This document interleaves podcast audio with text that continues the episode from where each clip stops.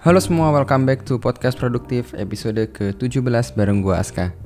Di podcast episode kali ini gua mau bahas mengenai perbedaan output dan outcome.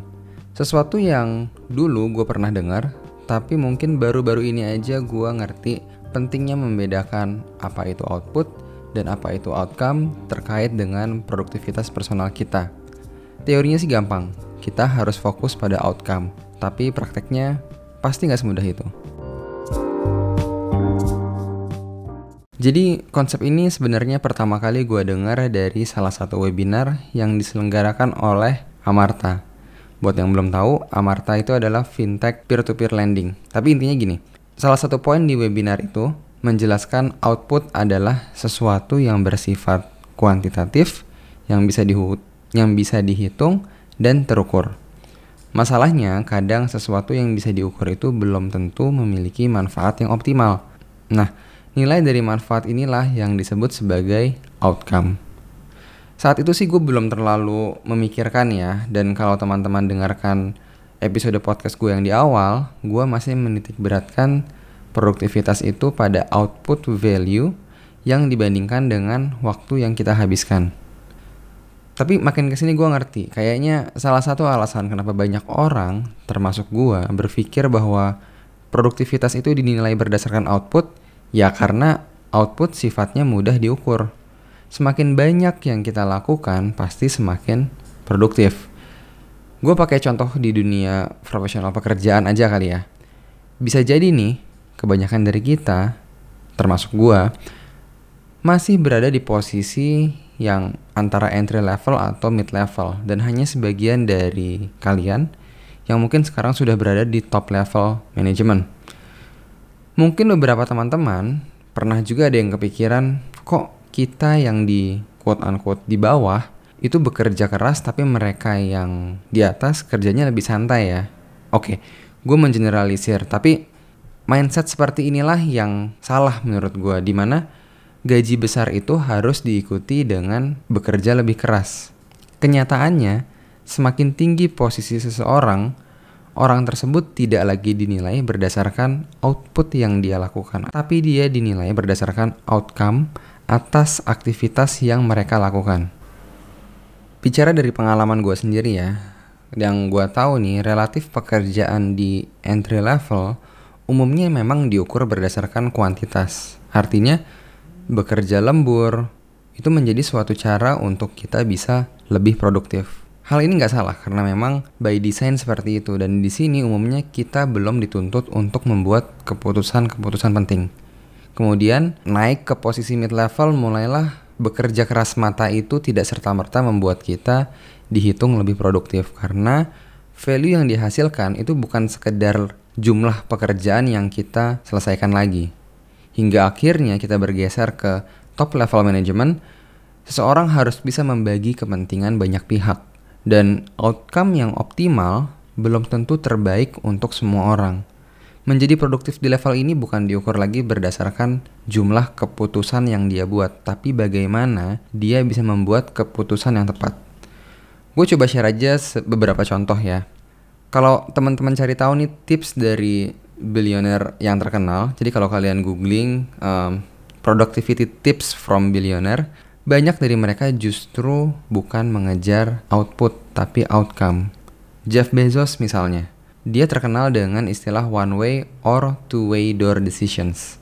Nah, ada kalanya memang dia menyadari perlu membuat keputusan yang cepat, terutama kalau bisa dikoreksi di kemudian hari. Tapi ada kalanya cepat itu nggak baik, khususnya bila keputusan itu one way door. Kemudian Warren Buffett. Warren Buffett ini seorang value investor yang justru tipsnya kita harus do less, not more. Well, untuk kalian yang seorang investor pasti ngerti, sebagai value investor memilih saham yang tepat pasti butuh waktu analisis yang nggak sebentar juga. Kemudian Mark Zuckerberg, dia justru berusaha mengurangi jumlah keputusan yang dia buat. Pasti kalian pernah dengar kan gimana dia punya baju yang sama untuk setiap harinya. Karena dia paham bahwa membuat keputusan yang tepat itu perlu energi dan fokus. Contoh lagi Bill Gates. Di salah satu artikel yang gue baca, Bill Gates bahkan merekomendasikan meditasi untuk bisa produktif. Oke, memang mereka pasti bekerja sangat keras di belakang, tapi sama seperti kita juga. Semua orang termasuk bilioner ini cuman punya waktu 24 jam sehari. Nah, dengan banyaknya tanggung jawab yang mereka miliki, pasti para bilioner ini harus bisa memaksimalkan setiap menit yang mereka punya. Fokusnya bagaimana menghasilkan outcome yang optimal untuk organisasi yang dia pimpin, bukan seberapa banyak aktivitas yang bisa mereka selesaikan. Jadi memang dalam konteks profesional di pekerjaan, sepertinya semakin tinggi jabatan atau tanggung jawab kita, penilaian itu bukan diukur lagi berdasarkan output. Tentunya di dunia yang ideal dan utopis, outcome itu harusnya bisa dinilai secara objektif. Sayangnya selalu ada subjektivitas ketika mengukur outcome yang sifatnya memang kualitatif. Pertama, outcome itu umumnya baru bisa terlihat setelah jangka waktu yang cukup lama dan bisa jadi akumulasi dari beberapa aktivitas di mana aktivitas-aktivitas tersebut dinilai tidak produktif di jangka pendek.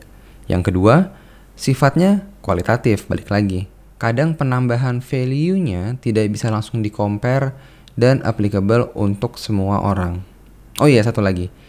Gue juga sadar tidak semua orang itu bilioner, tidak semua orang itu CEO, uh, eh, pemilik suatu perusahaan atau di top level manajemen yang produktivitasnya memang secara signifikan didasarkan atas keputusan yang diambil. Beberapa dari kita termasuk gue sekarang produktivitas itu cenderung masih dihitung berdasarkan kuantitas, apalagi di pekerjaan. Tapi, apakah itu artinya kita, dalam tanda kutip, orang biasa tidak bisa fokus pada outcome? Menurut gue bisa. Kalau kita bicara konteks produktivitas yang lebih luas.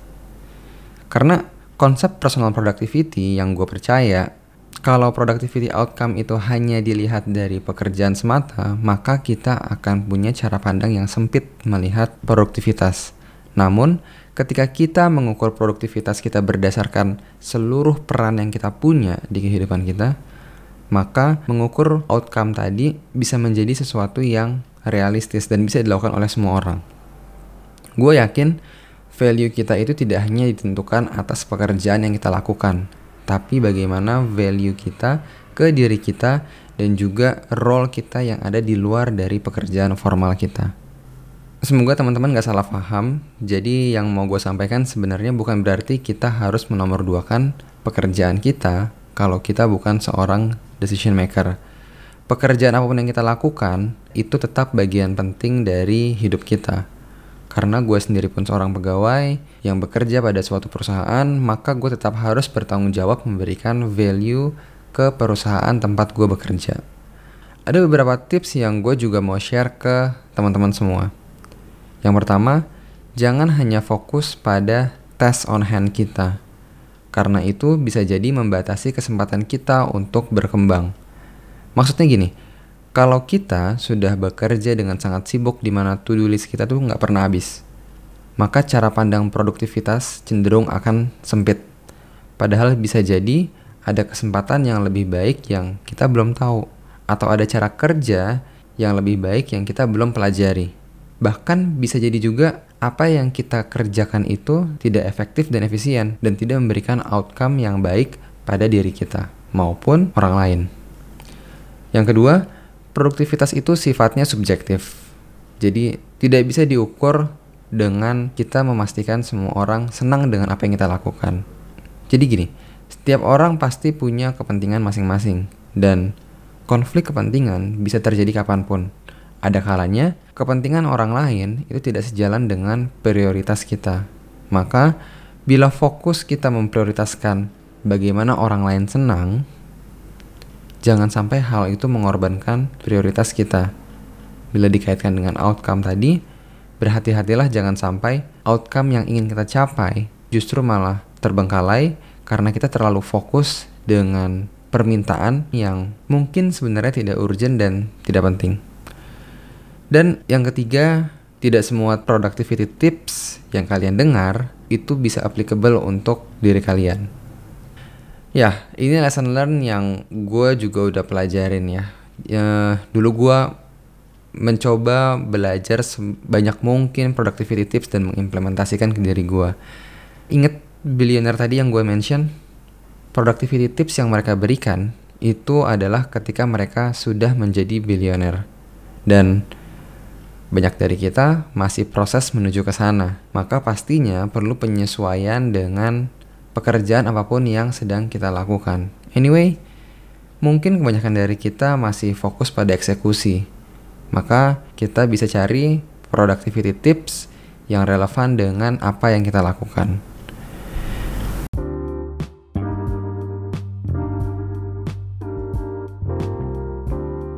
Jadi kesimpulannya bila hanya fokus pada output semata, kita cenderung fokus pada goal jangka pendek. Padahal belum tentu akumulasi output tadi memberikan hasil akhir atau outcome yang jangka panjangnya punya nilai yang optimal. Kemudian mendapatkan outcome yang optimal tadi bukan hanya di dalam pekerjaan saja ya, tapi juga di kehidupan kita sehari-hari. Apa pun pekerjaan kita, kita punya role lain di kehidupan personal kita di luar pekerjaan. Jangan sampai kesibukan kita sehari-hari membuat prioritas hidup kita menjadi terbengkalai. So itu aja yang bisa gue share di podcast kali ini. Semoga bisa bermanfaat untuk teman-teman semua. See you di podcast selanjutnya.